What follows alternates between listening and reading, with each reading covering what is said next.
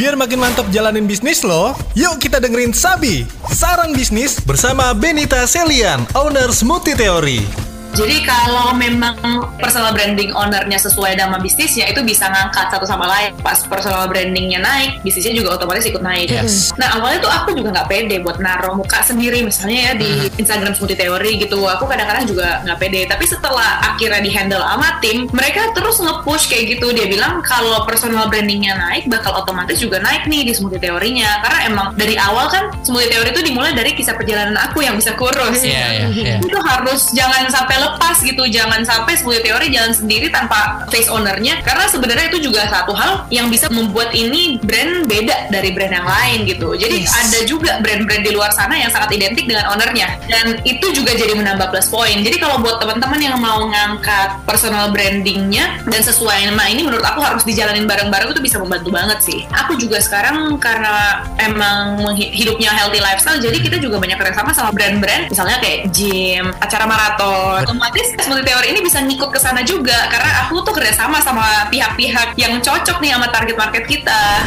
Itu dia Sabi, saran bisnis di Motion FM. Dengerin terus tips bisnis lainnya only on Motion 975.